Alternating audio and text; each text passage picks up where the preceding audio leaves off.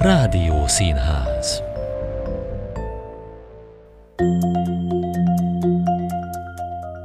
Üdvözlöm Önöket, Völgyi Tóth Zsuzsa vagyok. A Kossuth Rádió műsorából a Rádió Színházból hallhatnak válogatást hétről hétre a Spotify-on.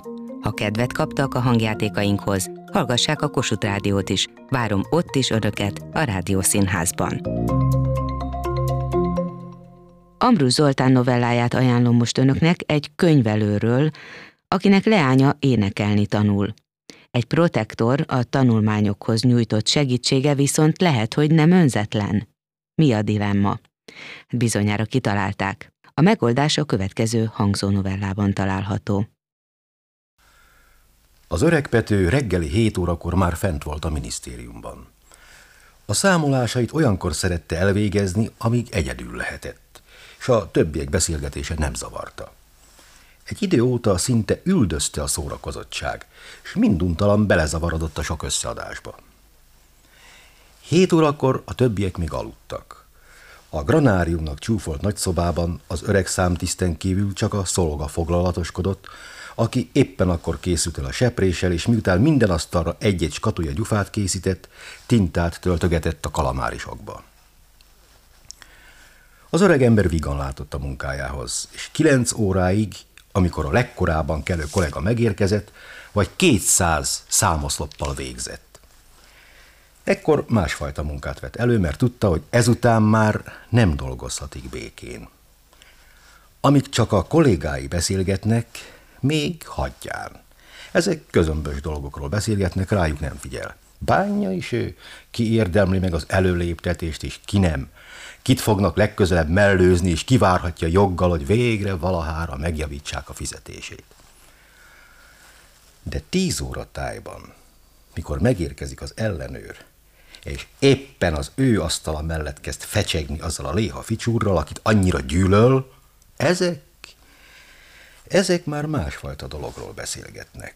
És ő, akárhogy erőlködik, nem bírja megállni, hogy oda ne figyeljen pedig minden nap fölteszi magában, hogy másra fog gondolni. Az öreg Pető íróasztala éppen a kájha mellett állott.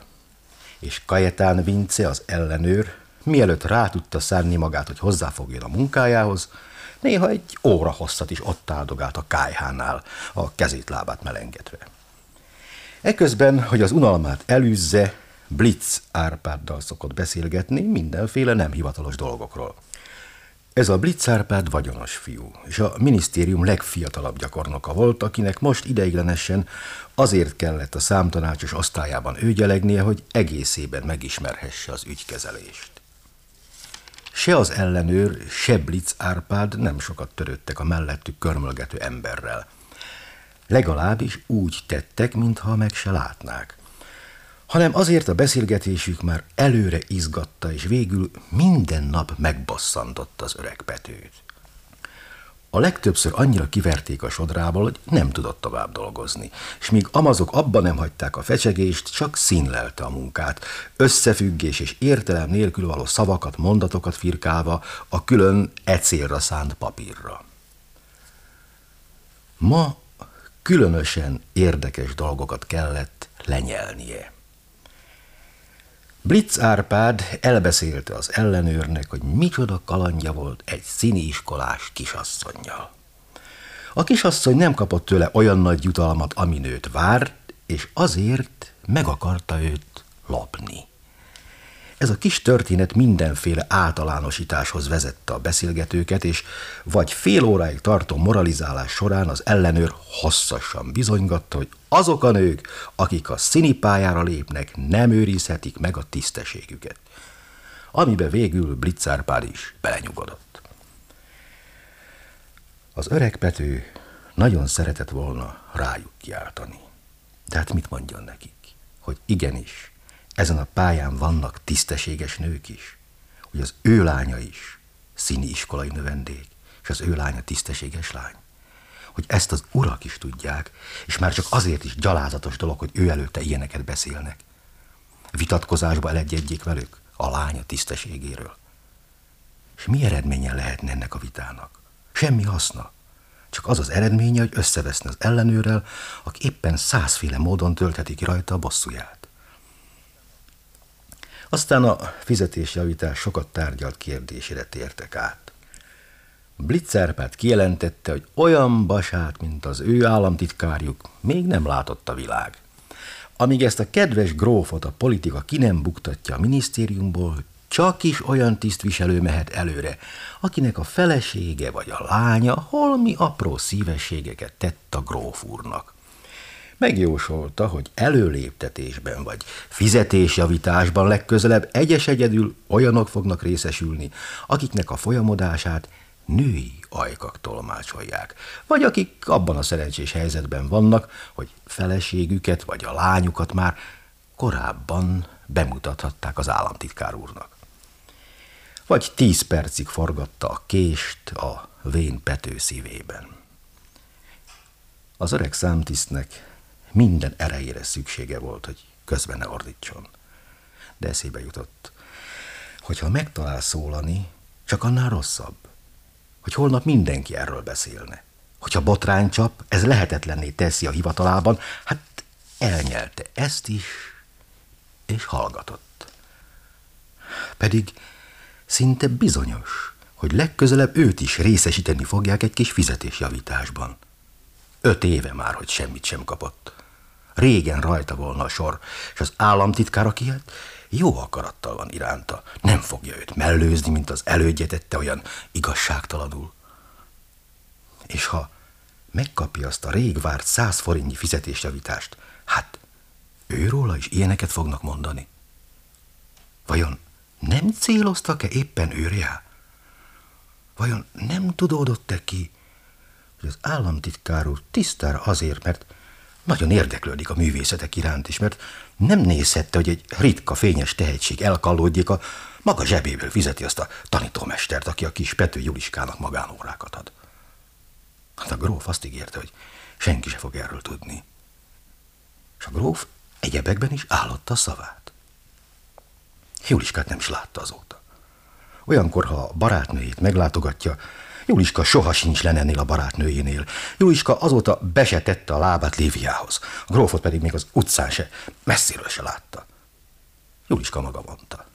És, és Juliska nem tud hazudni.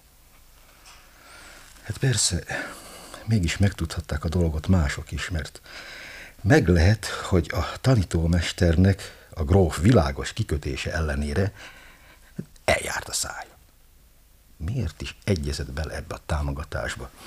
Akármilyen nemes lelkű és önzetlen a gróf, sohasem helyes dolog az, aminek titokban kell maradnia. Tehát visszautasíthatta ezt az ajánlatot? A grófot már az ő vonakodása, aggodalma, gyanakodása is sértette. Megbosszanthatta ezt a derék, nagy lelkű embert, aki olyan kivételes jó akaratot tanúsított iránta, és magára haragíthatta a fellebb valóját, a hivatal fejét, akitől az előmenetele függ, és akinek csak egy szavába kerül, és örökre elveszítheti ezt a kis hivatalt, amely legalább a száraz kenyeret biztosítja neki. Gondolatai egyre messzebbre kalandoztak. Ó, hát miért is egyezett bele, hogy Juliska a színiskolába járjon? Folyton a fülében csengtek, öreg sógorasszonyának kegyetlen szavai. Pető, Pető, egész életedben derékember voltál. Hogyan adhattad hát a lányodat a szíri iskolába? És ha így beszél a rokon, csode, ha az idegenek még kevésbé kimélik. Hamazok már régóta elhallgattak, de még Folyvást képtelen volt dolgozni. Olyannyira felháborította, amit hallott. Ki akarta verni a fejéből az egészet. Ezek beszélnek. Ezek?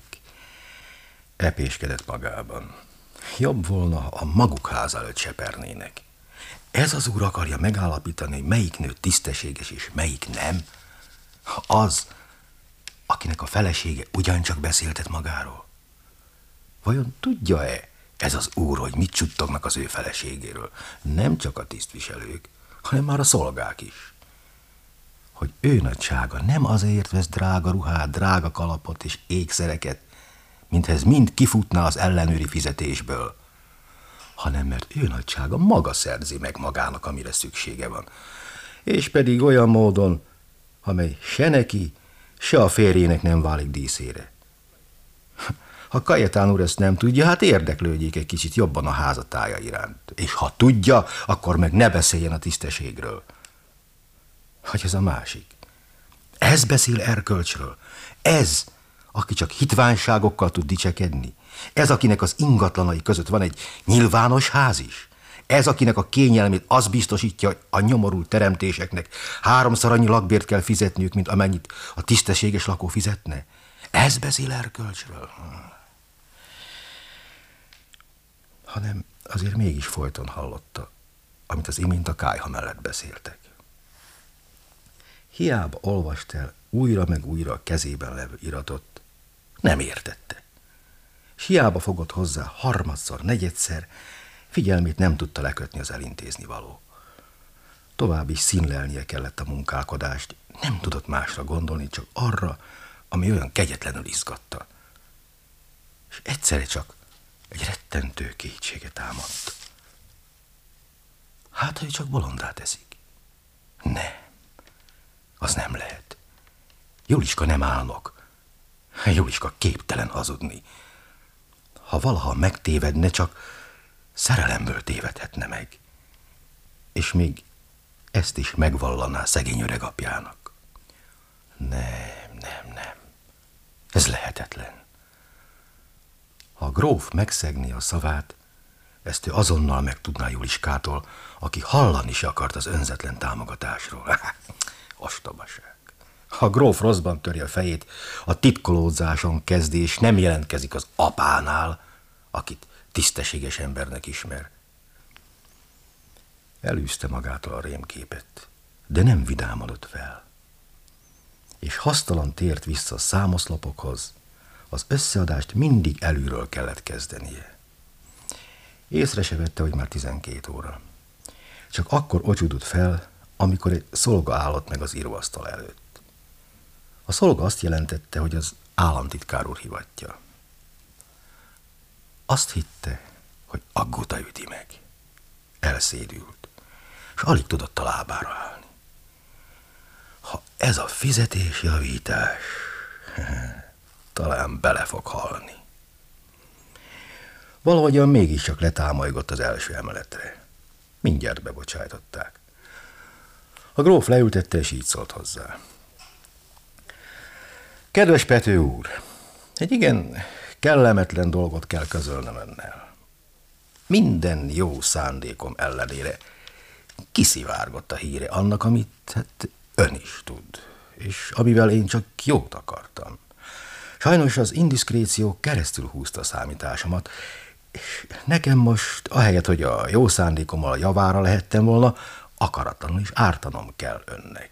Na de hát én derék ember, és meg fog engem érteni. Szóval ne csodálkozzék rajta, ha majd hivatalosan is megtudja, hogy ön kimaradt azok sorából, akik előléptetésben vagy fizetésjavításban részesültek. Ön régen megszolgált már egy kis fizetésjavítást, és most önre is rákerült volna a sor. Megvallom, ön volt az egyetlen, akit valósággal hát mellőznem kellett. És hát mégse járhattam el másképpen, mert az ismert körülmények között mind a kettőnket kompromitált volna, ha ön bárminő előnyben részesül. Rajta leszek, hogy annak idején kártalanítsam önt, és addig is remélem, hogy méltányolni fogja az okaimat. Az öreg Pető boldogságában majdnem kezet csókolt a grófnak. Mégis jó, szólt magában, mi alatt felballagott a harmadik emeletre, ha az embernek egy kis protekciója van.